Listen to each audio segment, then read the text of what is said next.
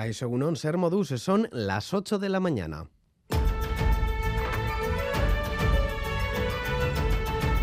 Crónica de Euskadi con Lier Puente.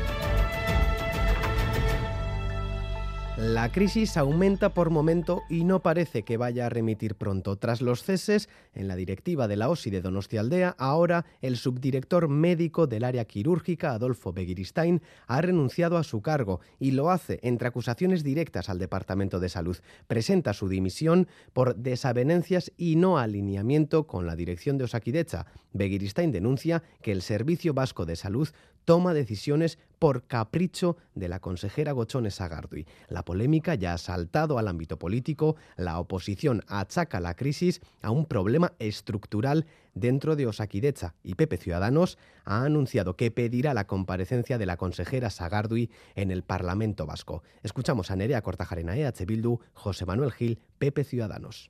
Creo que hay un modelo de gobernanza, de una gobernanza vertical en la que no se tienen en cuenta los profesionales. Esta mala gestión tiene de vez en cuando crisis que, que digamos salen a la superficie y no es este un caso aislado, hay muchos más.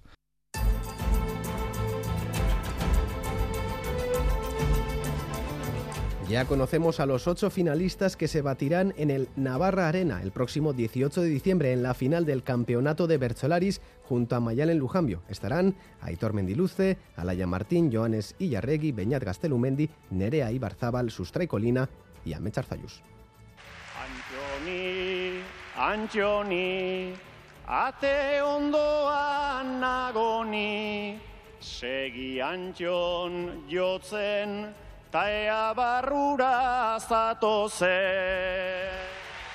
Rusia dejará de suministrar petróleo a Europa este mismo año, después de que la Unión Europea decidiera topar el precio del barril ruso a 60 dólares. Así lo ha hecho saber el embajador ruso ante los organismos internacionales en Viena, Mikhail Ulyanov.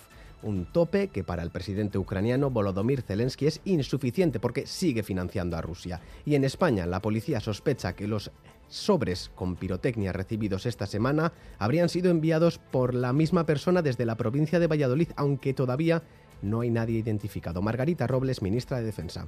Tenemos que ser todos muy prudentes, muy discretos. La policía está trabajando, está trabajando con toda la discreción. Yo creo que es bueno no hacer ningún tipo de especulaciones y dejar que la, dejar que la policía trabaje.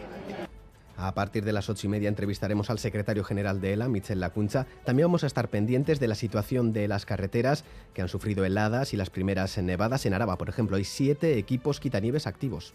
Ha caído un poquito de chispa, pero en cuanto nieva un poco tenemos que estar aquí. No se espera que, se cubra, lo que pasa es que por si acaso tenemos que estar. Los retenes están preparados y la, y está programado que va a venir gente luego. Pues nada, hemos visto la nieve, hemos parado. Ahora a disfrutar un poquito no de nieva, ella. así que a otro sitio hay que ir a ver la nieve, ¿no? Hay que venir despacito y ya andamos con precaución. El aviso amarillo por heladas se extenderá hasta mañana lunes. Conozcamos la previsión meteorológica de Euskalmet con Mayaleniza, Egunon. Egunon, hoy el tiempo será más soleado. Todavía hace frío y se están produciendo heladas en algunas zonas del interior. En el Valle del Ebro se pueden formar nieblas, se pueden ir extendiendo y en algunos sitios le puede costar levantar. En el resto por la mañana veremos nubes y claros, pero con el paso de las horas las nubes irán desapareciendo y por la tarde se impondrán los amplios claros. Además soplará el viento del sur y ayudará a que suban las temperaturas. Cerca de la costa las máximas alcanzarán los 10-11 grados y en el interior rondarán los 7-9 grados.